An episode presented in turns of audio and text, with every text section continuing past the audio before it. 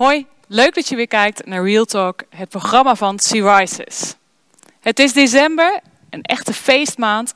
En daarom vonden we het ook een mooi thema om over te hebben, het thema vieren. Ga jij al bijna weer kerst vieren? En hoe ga je dat doen? Ook in deze coronatijd. Nou, wij gaan vandaag in gesprek over het thema vieren. En waarom is het belangrijk om sommige dingen te gedenken, om sommige momenten te vieren? Schuif bij eens mee aan tafel dan gaan Christine en ik hierover in gesprek. Hoi Christine. Het is bijna kerst. Heb jij al plannen gemaakt? Nou, ik moet nog een beetje gaan afstemmen met familie, zeg maar hoe we het doen. Normaal uh, zijn we met de hele familie bij elkaar. Ja. Nou, vijf kinderen. Ik ben er een van vijf, dus uh, iedereen aanhang en uh, kinderen. Dus dat is altijd een hele gezellige bende. Ja. Maar dat zal dit jaar anders zijn, dus daar moeten we nog even afspraken over maken hoe we dat gaan doen. Ja, ja, dat kan ik me voorstellen. Bij ons is het hetzelfde inderdaad. Kijken hoe we het dit jaar gaan vieren. Ja. Nou, vieren, dat is ook ons ma maandthema. Um, vieren, daarvan wordt eigenlijk als uitleg gegeven in het woordenboek dat je op een plechtige en een feestelijke wijze een gedenkwaardige tijd gedenkt. Mooie woorden allemaal. Um, ik merk dat ik bij kerst het soms best lastig vind om het echt te vieren. Om dus echt dat gedenken in te, in te verwerken. Om echt bij de betekenis stil te ja, staan bedoel je? Ja, om echt inderdaad te denken van oké, waar gaat dit nou eigenlijk over? Herken jij dat? Ja, zeker. Ik heb het al uh, met de twee minuten stilte zeg maar voor de, de herdenking. Voor de, ik ja, denk precies. altijd al aan andere dingen denk. Dus laat staan bij zo'n feest als kerst. Ja. Ja, het, het, maakt volgens mij voor mij wel in ieder geval verschil van hoe ik er naartoe leef.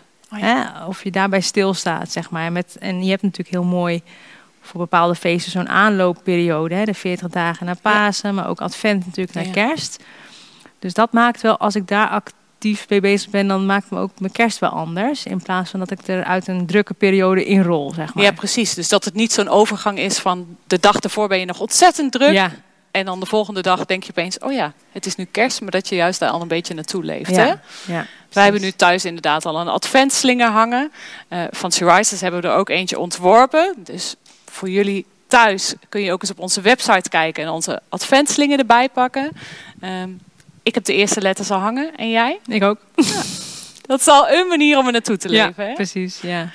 Nou, we hebben het nu zo over kerst en over kerstvieren. En net noemde ik ook al die definitie dat vieren ook te maken heeft met gedenken. En eigenlijk zien we in de Bijbel ook heel veel momenten terugkomen waarop het telkens eh, momenten zijn waarop er iets herdacht wordt. Dus dat het ook gedenken is.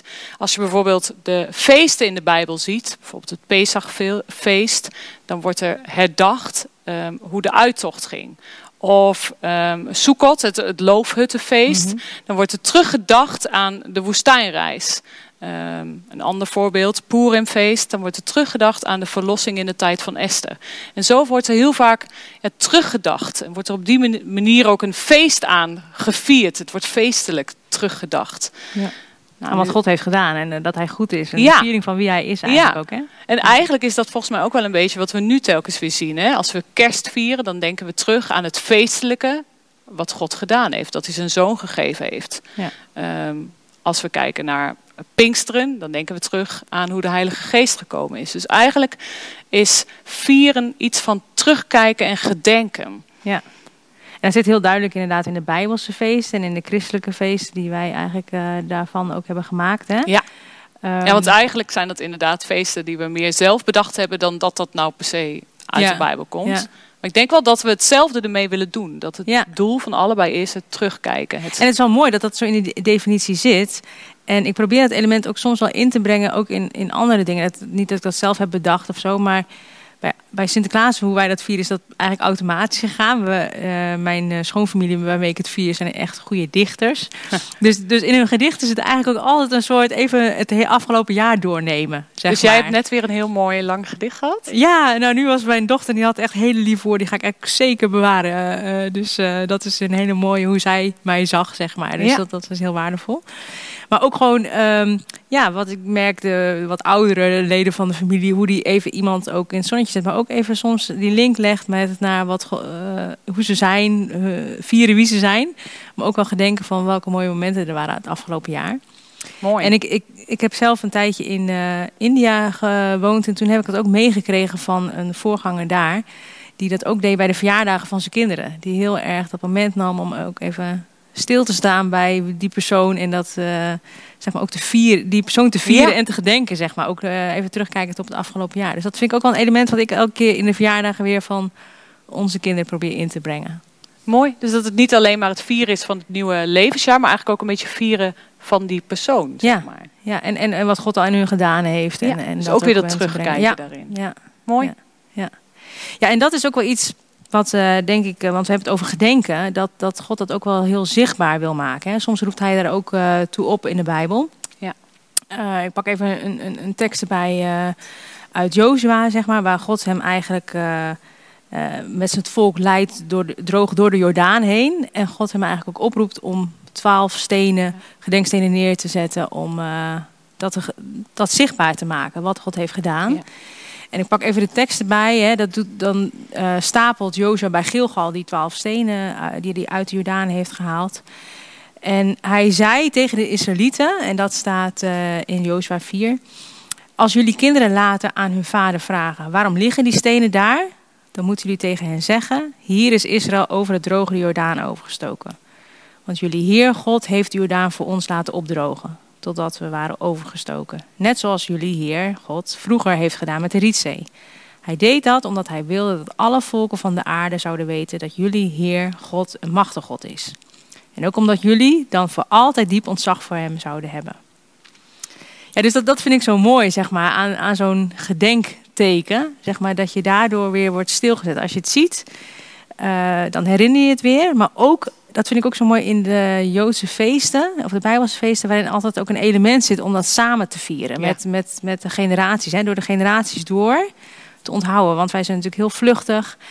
En als we dingen niet gedenken, dan vergeten we het ook heel snel. Maar uh, dit is ook echt iets om, om vast te houden, om te zien wat God heeft gedaan. En, en nou ja, ook een um, reminder zeg maar, van wie hij is en ook zal zijn in de toekomst. Ja. Nou ja, en uh, zo hebben we dat natuurlijk ook uh, met herdenkingen van oorlogen, dat we een monument uh, oprichten om daar ook momenten te hebben om daarbij stil te staan. Ja. Wat ik nog steeds dus lastig vind, hè, die twee minuten. Maar, ja, maar ook gewoon die gedenk. je hebt ook heel veel monumenten natuurlijk daarvan. En dat helpt ook, hè, dat het dus werk echt iets zichtbaars is, ja. waardoor je gaat. Ja, dat gedenken. heb je gewoon nodig. Ja. ja. Um, ik heb zelf inderdaad ook nog een voorbeeld, moest ik aan denken toen we dit aan het voorbereiden waren, van dit steentje bijvoorbeeld. Dat uh, is een klein steentje die ik een keer van een coach heb gehad. Die zei, omdat ik echt aan het leren was, een beetje uit een uh, heel drukke periode kwam en, en meer rust uh, wilde ervaren. Zeg, dit zijn ook van die dingen die je in je zak kan steken. Die als je die weer voelt, even stilstaan bij, oh ja, het is goed, zo even genoeg. En weet je wel, dus, dus daarin ook echt een letterlijk gedenksteentje ja. uh, kreeg mee, meekreeg.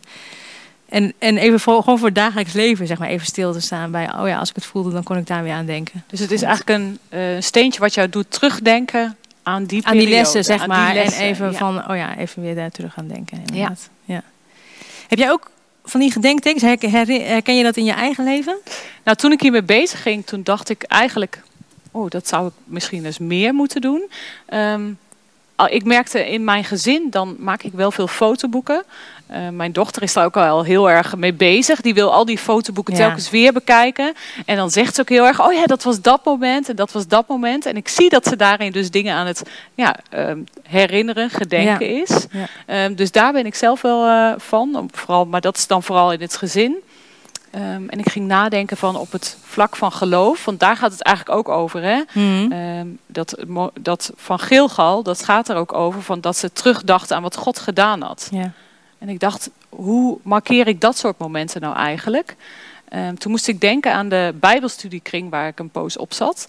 En laatst vond ik daar een boekje van terug. En in dat boekje schreven we elke keer weer de uh, bidpunten, de dankpunten. En af en toe dan bladerden we er ook doorheen en zeiden: hé, hey, wat mooi, God heeft dit gedaan. Ja. Um, ik zie dat we daarvoor baden en dat is nu al niet meer een issue.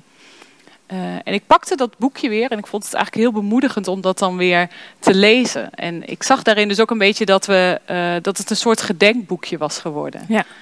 Wat je anders misschien zou vergeten en je Ja. weer laten meenemen in het dagelijks leven en Ja. daar niet meer bij stilstaan. Ja, dus eigenlijk ging ik het voornemen maken van dit wil ik zelf ook weer vaker gaan doen. Ja. Opschrijven wat God voor je betekend heeft, wat God gedaan heeft in je leven, zodat je daar af en toe ook weer op terug kunt kijken en het ja, kunt vieren. En waarom denk je vooral dat het zo belangrijk is? Ik denk dat het belangrijk is om te bedenken wat God voor je gedaan heeft, omdat het juist op momenten dat je misschien God minder ervaart, ook heel bemoedigend kan zijn om daaraan terug te denken. Ja. En daarnaast, God zegt het natuurlijk ook zelf in de Bijbel. Ik heb nog die tekst uit Psalm 77 voor me liggen.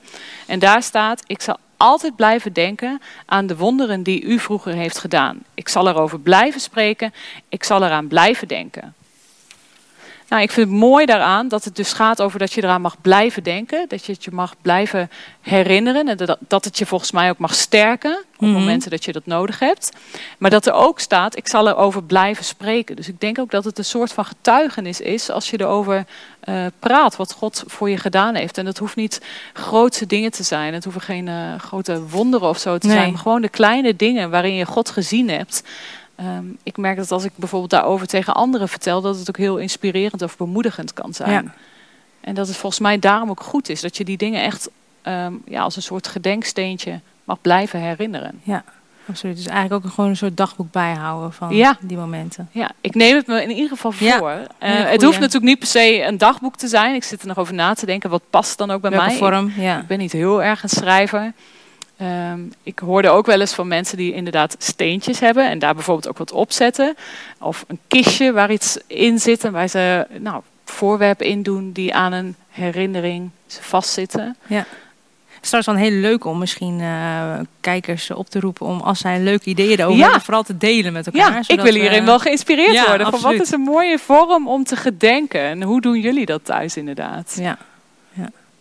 Hey, als we nog even teruggaan naar die Bijbelse feesten. Hè? Want eh, nou ja, nu staat kerst voor de deur. Ja.